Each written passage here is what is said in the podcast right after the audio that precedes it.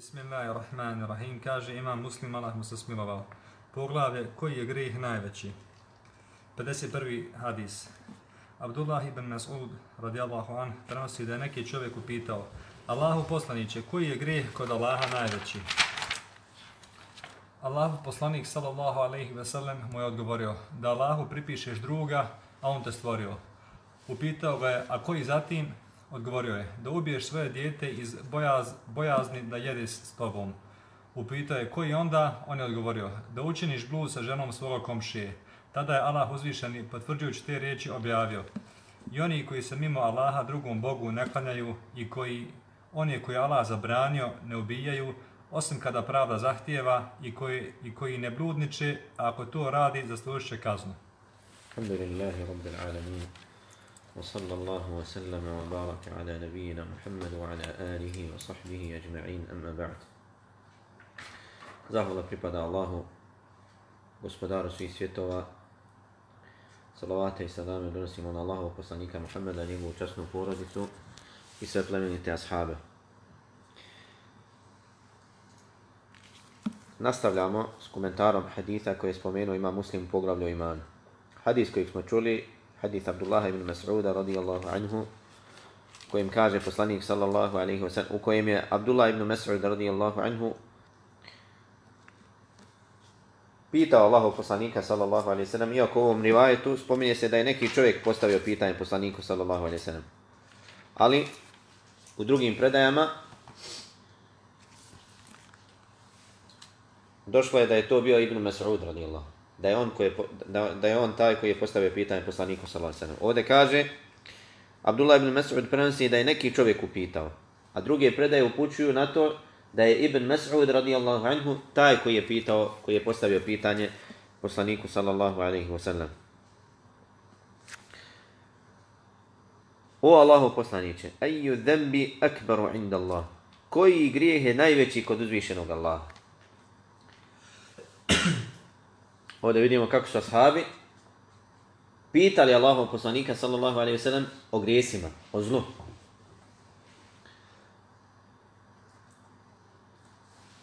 Kako kaže Hudejfe radijallahu anhu, kana nasu yas'aluna Rasulallahi sallallahu alaihi ve sellem anil khair, wa kuntu as'aluhu anil šerri makhafatan an yudrikani.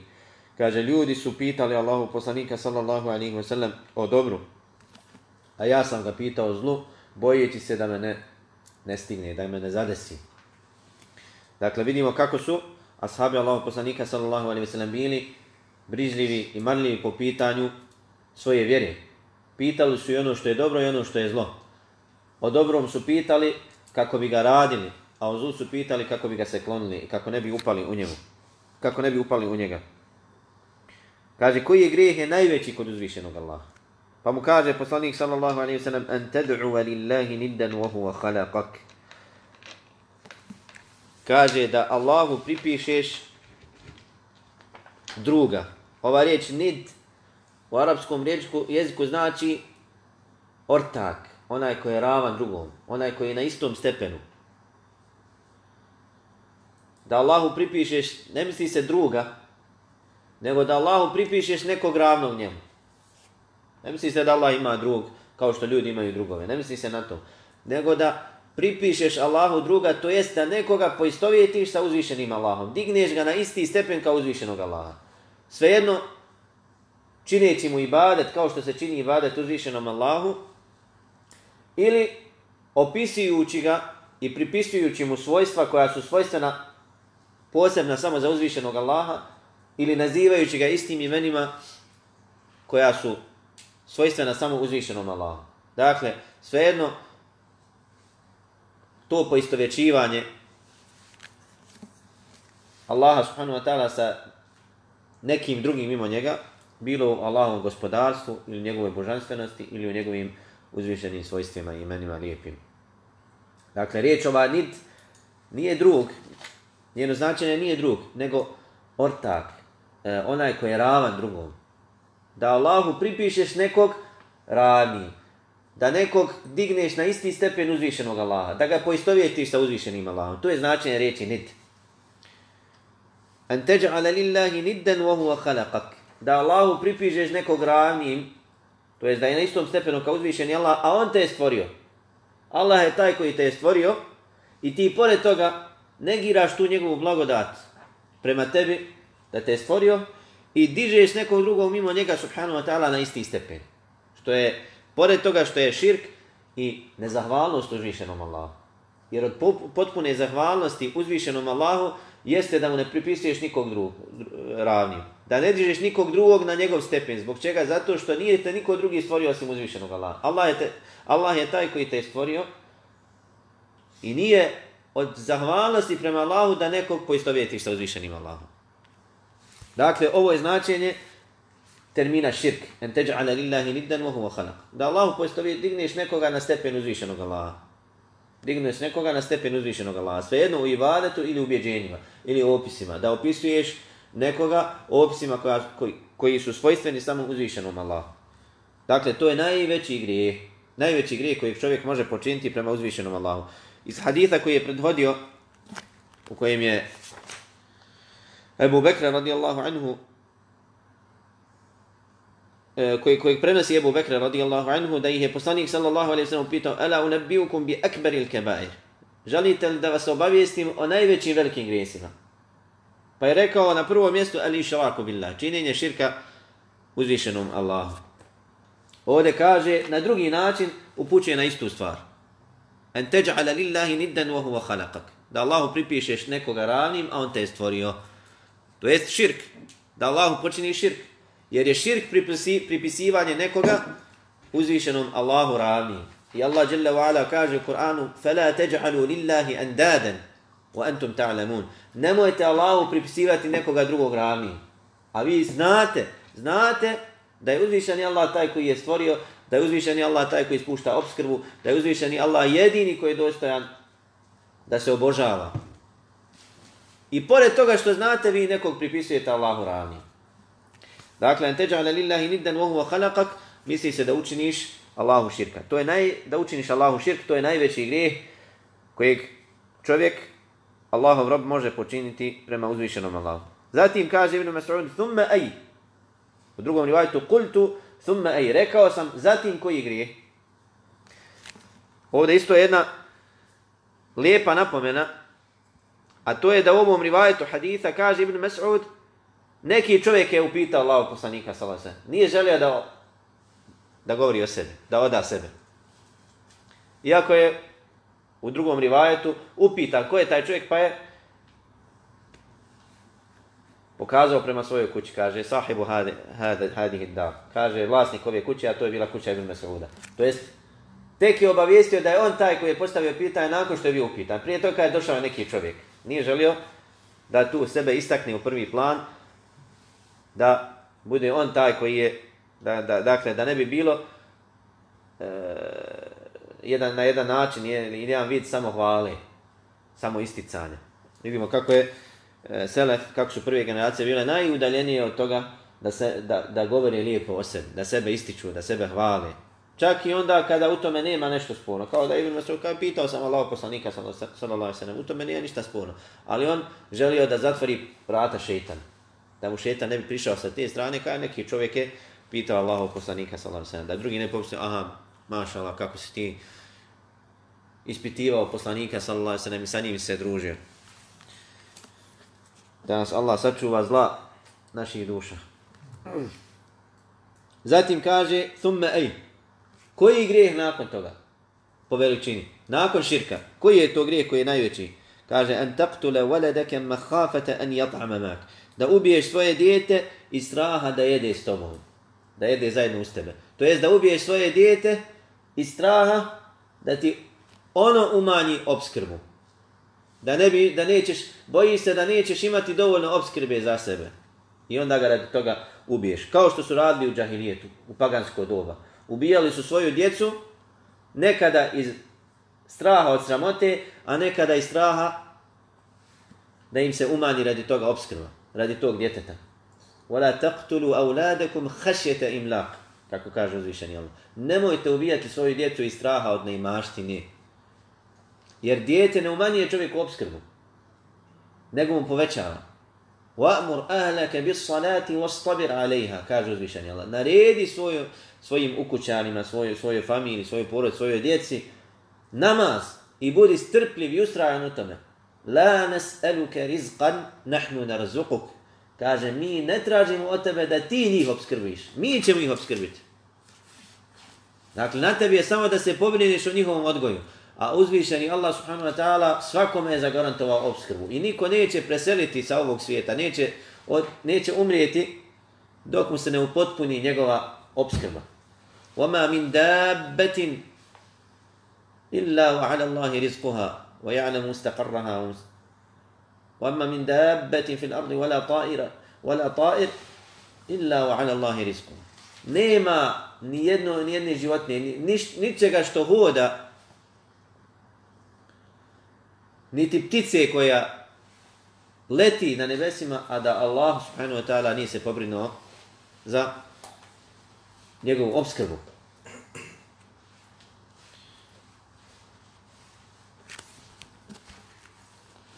Inna Allaha huwa ar-razzaq. Allah je zaista onaj koji je obskrbitelj, koji je obskrbitelj, koji sve koji se brine o svačijoj obskrbi. Dakle, najveći grijeh nakon širka je nepravedno ubistvo. A najgori i najžešći vid je ubistva da čovjek ubije svoje dijete. I ne samo da ga ubije, nego da ga ubije iz straha od neimaštine. Dakle, taj je spojio dva grijeha. Spojio je između grijeha ubistva i drugog grijeha, to je loše mišljenje uzvišenom Allahu. Loše misli uzvišenom Allahu da Allah će umanjiti obskrbu radi tog djeteta.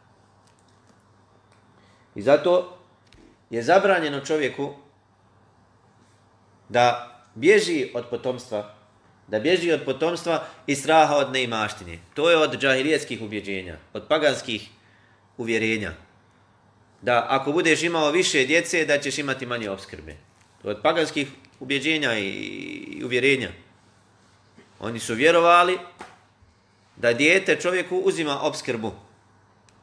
A to nije istina. To nije istina. Jer je uzvišen je Allah taj koji daje obskrbu. I nikome neće tuđa obskrba umanjiti. Niko, niko, nikome neće umanjiti njegovu obskrbu.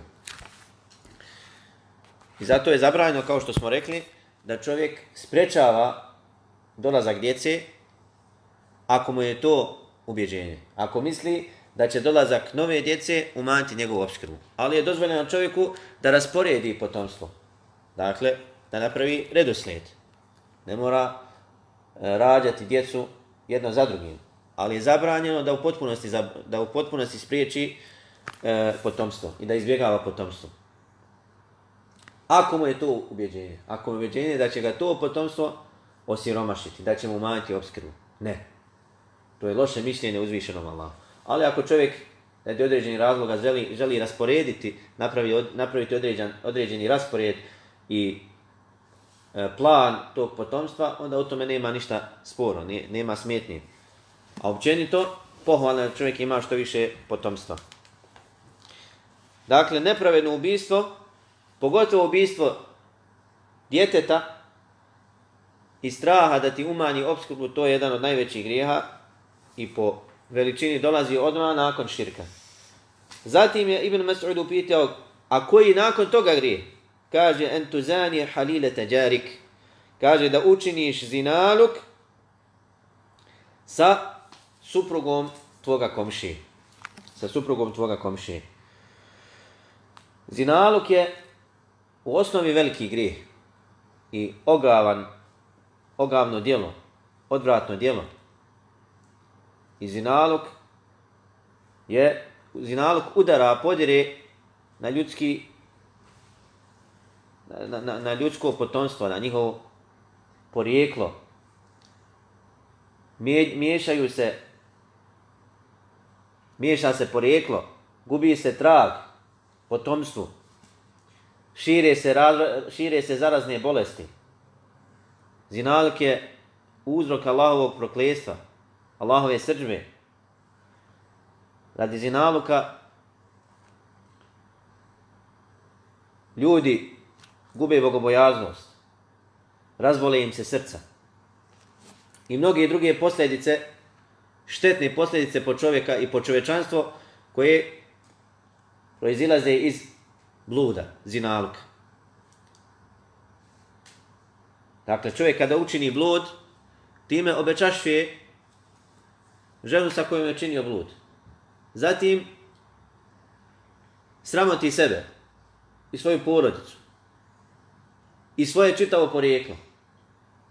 Sramoti isto tako čitavu porodicu žene sa kojom je učinio blud. Može biti sebe da se rode djeca koja su ne, nezakonska, koja nemaju oca, o kojima se drugi neće imati ko brinuti. Zatim za sobom povlači kaznene norme na dunjalu i kaznu i patnju na ahiretu ako se čovjek ne pokaje. Dakle, zinalog u osnovi je veliki grijeh. Zinalog u osnovi je veliki grijeh. Ali još veći je grijeh ako čovjek učini zinalog sa suprugom od svog komšije. Zbog čega? Zato što je u osnovi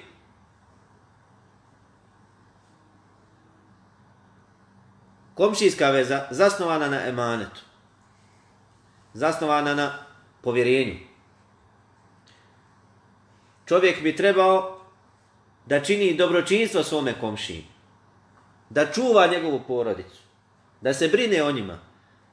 A on, suprotno tome, ode i učini zinalog sa njegovom suprugom. Dakle, komšija je odsutan, Umjesto da se brine o njegovoj porodici i čuva ih od onih koji bi mogli nauditi, on ode i obečasti njegovu suprugu. Obečasti, obe, obečasti njegovu suprugu.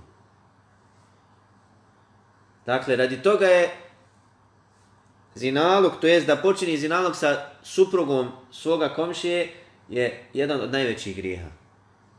Zato što je suprotno onome na čemu bi trebalo da se zasnivaju komšijski odnosi. A komšijski odnosi trebaju da se zasnivaju na povjerenju, na međusobnom potpomaganju, na hajru i dobru. Da komšija od tebe vidi samo dobro. I ovdje kad kaže entuzani, da počini zinaluk, to jest ne da nasilu počini zinaluk sa komšijom, e, sa, sa suprugom od komšije, nego uz obostrano, obostrani pristanak i zadovoljstvo. Dakle, da navedeš ili pristaneš na zinaluk sa suprugom komšije. Što je veliki grijeh, upropaštavajući grije, nas Allah sačuva. Dakle, u hadithima koji su prethodili, vidjeli smo koliko je pravo komšije prema komšiji. Kaže poslanik sallallahu alejhi ve sellem: Wallahi la yu'min, wallahi la yu'min, wallahi la yu'min. Tako mi Allaha nije vjernik, nije pravi vjernik, nije pravi vjernik. Ko Allahov poslanice, onaj čijeg zla nije siguran njegov komšija. Onaj čijeg zla nije siguran njegov komšija. Zamislite, pored toga čovjek učini zinalog sa suprugom njegovog komšija.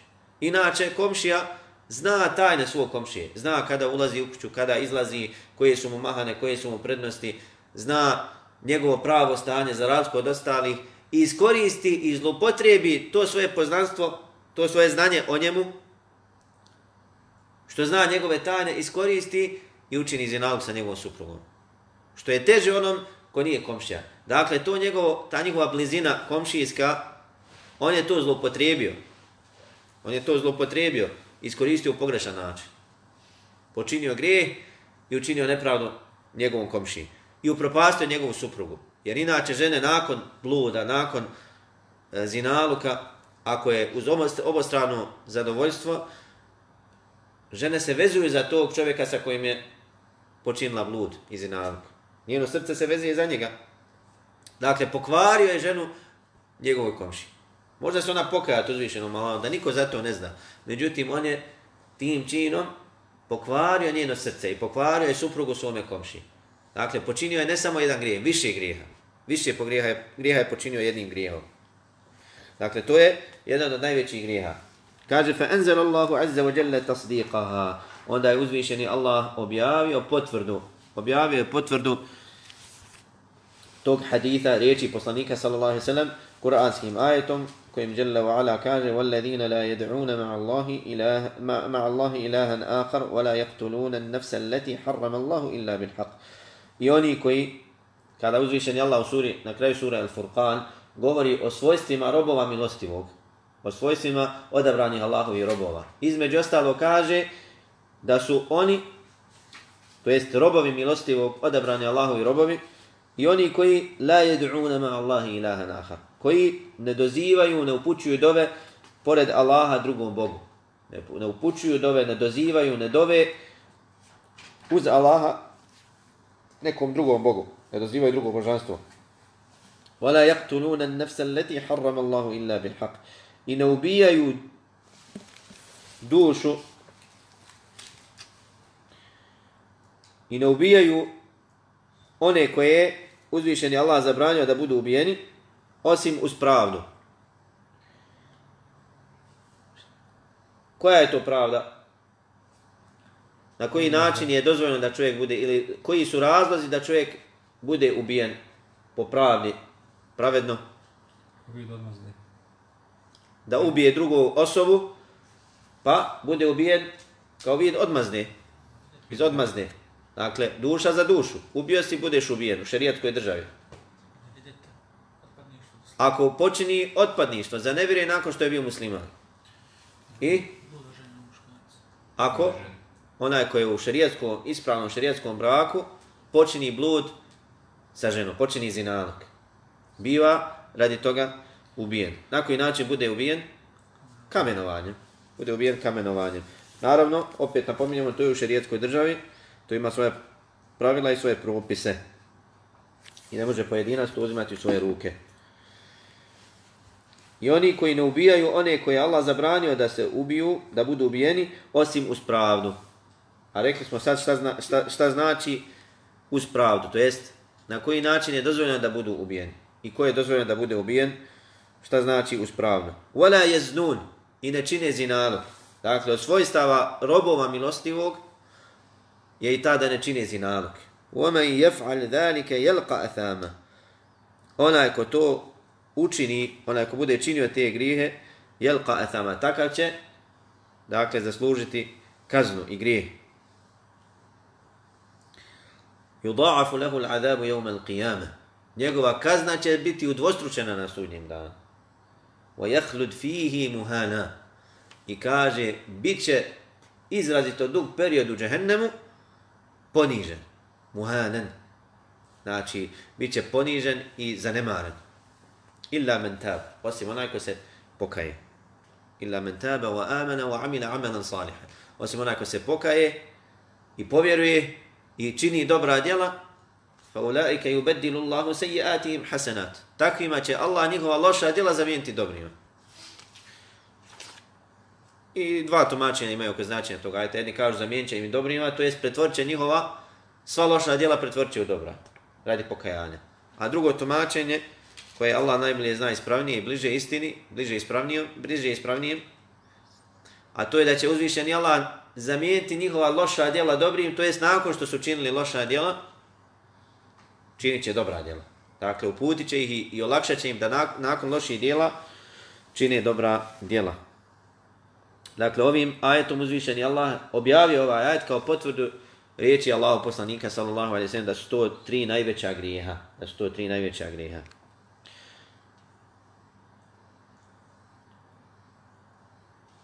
Dakle, ovaj, ovaj hadith govori o najvećim grijesima, po redoslijedu.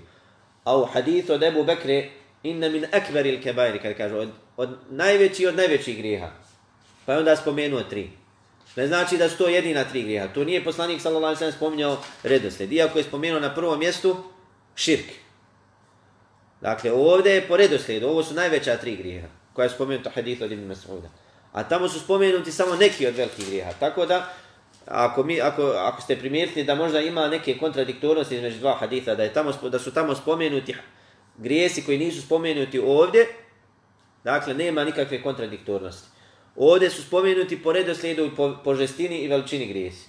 A tamo je samo poslanik sallallahu alejhi spomenuo neki od najvećih grijeha. Dakle, nije mu bio, bila namjera da spomene po redoslijedu koji su to najveći grijesi. Iako je spomenuo širk kao, kao najveći grijeh na prvom mjestu. I to je potvrđeno i ovim hadithom. Dakle, hadith od Ibn Mas'uda potvrđeno da je širk najveći grijeh. I zato imamo potvrdu i u drugim ajetima i drugim hadithima.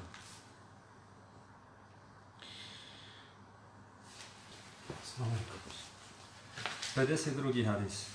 Džabir ibn Abdullah radijallahu an rekao je, neki čovjek je došao vjerovjesniku sallallahu alaihi ve sellem i pitao ga, koji postupci sa sobom povlače nagradu, odnosno kaznu? Odgovorio je, ko umre ne pripisujući Allahu ništa, ući će u dženet, ako umre pripisujući mu nešto, ući će u vatru. Zatim ovaj hadith Džabira ibn Abdillaha radijallahu anhuma koji prenosi da je neki čovjek došao Allahom vjerovjesniku, Allahom poslaniku sallallahu alaihi sallam pa ga upitao, o Allaho poslaniše, mel muđibetan koje su to koja su to dva obećanja dvije obaveze dijela koja za sobom povlače nagradu i kaznu. Pa kaže Allahu poslanik sallallahu alejhi ve sellem: "Men mata la yushriku billahi shay'an dakhala al-jannah, wa man mata yushriku billahi shay'an dakhala an-nar." Onaj ko umre ne čineći Allahu ni malo širka, ući će u džennet. A onaj ko umre, onaj ko umre čineći Allahu širka, nešto od širka, ući će u vatru. Dakle, dijelo koje za sobom povlači ulazak u džennet je da čovjek umre bez činjenja širka. Da umre na čistom tevhidu i da nema nimalo primjese širka kod sebe. A dijelo koje za sobom povlači ulazak u vatru jeste da čovjek umre na širku. Pa makar imao i dobrih dijela koja mu neće koristiti zato što je umro na širku. Ovdje kaže poslanik sallallahu alejhi ve sellem men mat la yushriku billahi onaj ko umre što je dokaz da je ibret pouka je u onome na čemu čovjek završi. Innamal a'malu bil khawatim kako kaže poslanik djela se vrednuju po završetku. Ono na čemu čovjek umre to je ono što je presudno. Ako bi čovjek bio čitav život na kufru i nevjersu i preseli na islamu pred kraj života neposredno prije smrti prihvati Allahu vjeru povjeruje iskreno Allaha i pokaje se zaslušće džennet. Dakle, čitav život može provesti u kufru i nevjerstvu i pokornosti, prkosti uzvišenom Allahu i onda prije smrti Allah ga uputi, pokaje se, povjeruje i Allah ga uvede u džennet. Isto tako obrnuto.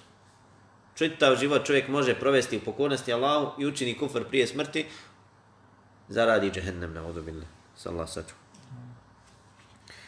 Dakle, ibret je po završetku. Dijela se vrednuju po završetku. Zato kaže poslanik sam se, men mate laj, onaj ko umre. Dakle, ako umreš na tome, to budu tvoja zadnja djela na, na, na, na dunjaluku, u ovom dunjalučkom životu, onda si zaslužio ili dženet ili vatru. Ako umreš, nisi Allahu činio širka. Ovdje kaže, la yushriku billahi shay'an. Ne čini Allahu širka, kaže shay'an, čestica, ni malo. Ne čini nikakvu vrstu širka. Ni malu, ni veliku ući će u džennet. Dakle, onaj ko umre, nije činio Allahu širka, ni velikog, ni malog, takav će zasigurno ući u džennet. Takav će zasigurno ući u džennet. Ako je imao pri sebi malog širka, primje se malog širka, ali nije imao kod sebe velikog širka, takav će ući u džennet, ali ne, ne znači da će da prije, ne znači da prije toga neće ući u džehennem. Zbog čega? Zato što su dijela malog širka veliki grijesi. A onaj ko dođe na sudnji dan sa velikim grijesima, on je pod Allahovim htjenjem. Ako želi, oprostit će mu, a ako želi, kaznit će ga džehennemskom vatrom, da odgori u džehennemu radi grijeha koje je činio i onda će njegovo konačno, konačno prebivalište biti u džennetu. Dakle, ova čestica ovdje šejen upućuje da je zabranjeno činiti veliki i mali širk. I da onaj ko dođe na sudnji dan, ko umre sa malim širkom, da mu to nije onaj ko umre bez velikog širka, ne činijeći veliki širk, ali je upadao mali širk, nema garanciju da će ući odmah u džennet. Za razliku od onog koji dođe na sudnji dan bez velikog i malog širka onaj ko umre bez velikog i malog širka, takav će sigurno ući u džennet. وَمَنْ مَاتَ يُشْرِكُ بِاللَّهِ شَيْنْ دَخَنَ النَّارِ A onaj ko umre čineći Allahu imalo širka, ući će u vatru. Dakle, onaj ko umre na širku, pa makar bio i mali ili veliki širk, makar bio i mali širk, ući će u vatru. Što je velika prijetnja. Velika prijetnja da se čovjek pazi i da nauči dobro mali širk, kao što uči veliki širk, jer mali širk može biti uzrokom tvoje patnje u džehennemu. Da uđeš u vatru. Jer ovdje kaže poslanik sam se, وَمَنْ مَاتَ يُشْرِكُ بِاللَّهِ شَيْئًا دَخَلَ النَّارِ Ona ko umre, čineći Allahu širk. Pa makar, kaže ovdje šejan, ikakvu, ikakvu vrstu širka, ući će u vatru, što je velika prijetnja. Da čovjek koji dođe pred Allaha sa širkom, i ovdje nije definisano na koji se širk misli, da li samo na veliki ili i mali ulazi pod to. I mnogi učenjaci smatruju da ulazi i mali širk u značenje hadita. Ući će u vatru. Kaže da će ući u vatru. I zato čovjek treba dobro izučavati širk. Jer je mnogo vrsta širka. Na razne načine šetan pokušava čovjeka uvesti u širk. Pa makar u mali širk. Makar u mali širk. Što je gotovo pa nemoguće da se čovjek sačuva bez iskrenog odnosa prema uzvišenom Allahu i bez šerijatskog znanja. Da se sačuva od velikog širka. Čak učenjaci kad definišu da se sačuva od, od, od velikog i malog širka. Čak učenjaci kada definišu mali širk, ne mogu da definišu tačno mali širk. Znači, nema jasne definicije malog širka. Neki kažu to je sve što vodi ka velikom širku, ali nije mali širk. Ali ta definicija nije u potpunosti ispravna. Jer postoje djela koja su, koja vode ka velikom širku, ali nisu mali širk. Čovjek ode i zakolje, na primjer, kurban na mezaru. Zakolje samo Allahu, iskreno radi Allaha. To nije mali širk. Ali je to put koji vodi ka velikom širku. Tako da i ta definicija nije u potpunosti ispravna. I zato najbolje je definisati mali širk sa primjerima. To su dijela koja su opisana kao širk u, u, u, u hadithima Allahog poslanika sallallahu alaihi wasallam. To su dijela koja su opisana kao širk u hadithima, ali nisu veliki širk poput malo pretvaranja u ibadetu, zaklinjanje nečim drugim mimo Allaha, nosanje hamajlija, da kažeš što Allah hoće i ti, ili da kažeš da nije bilo patke, došao bi nam lopov, da nije bilo čuvara, opljačkali bi nam kuću i tako dalje.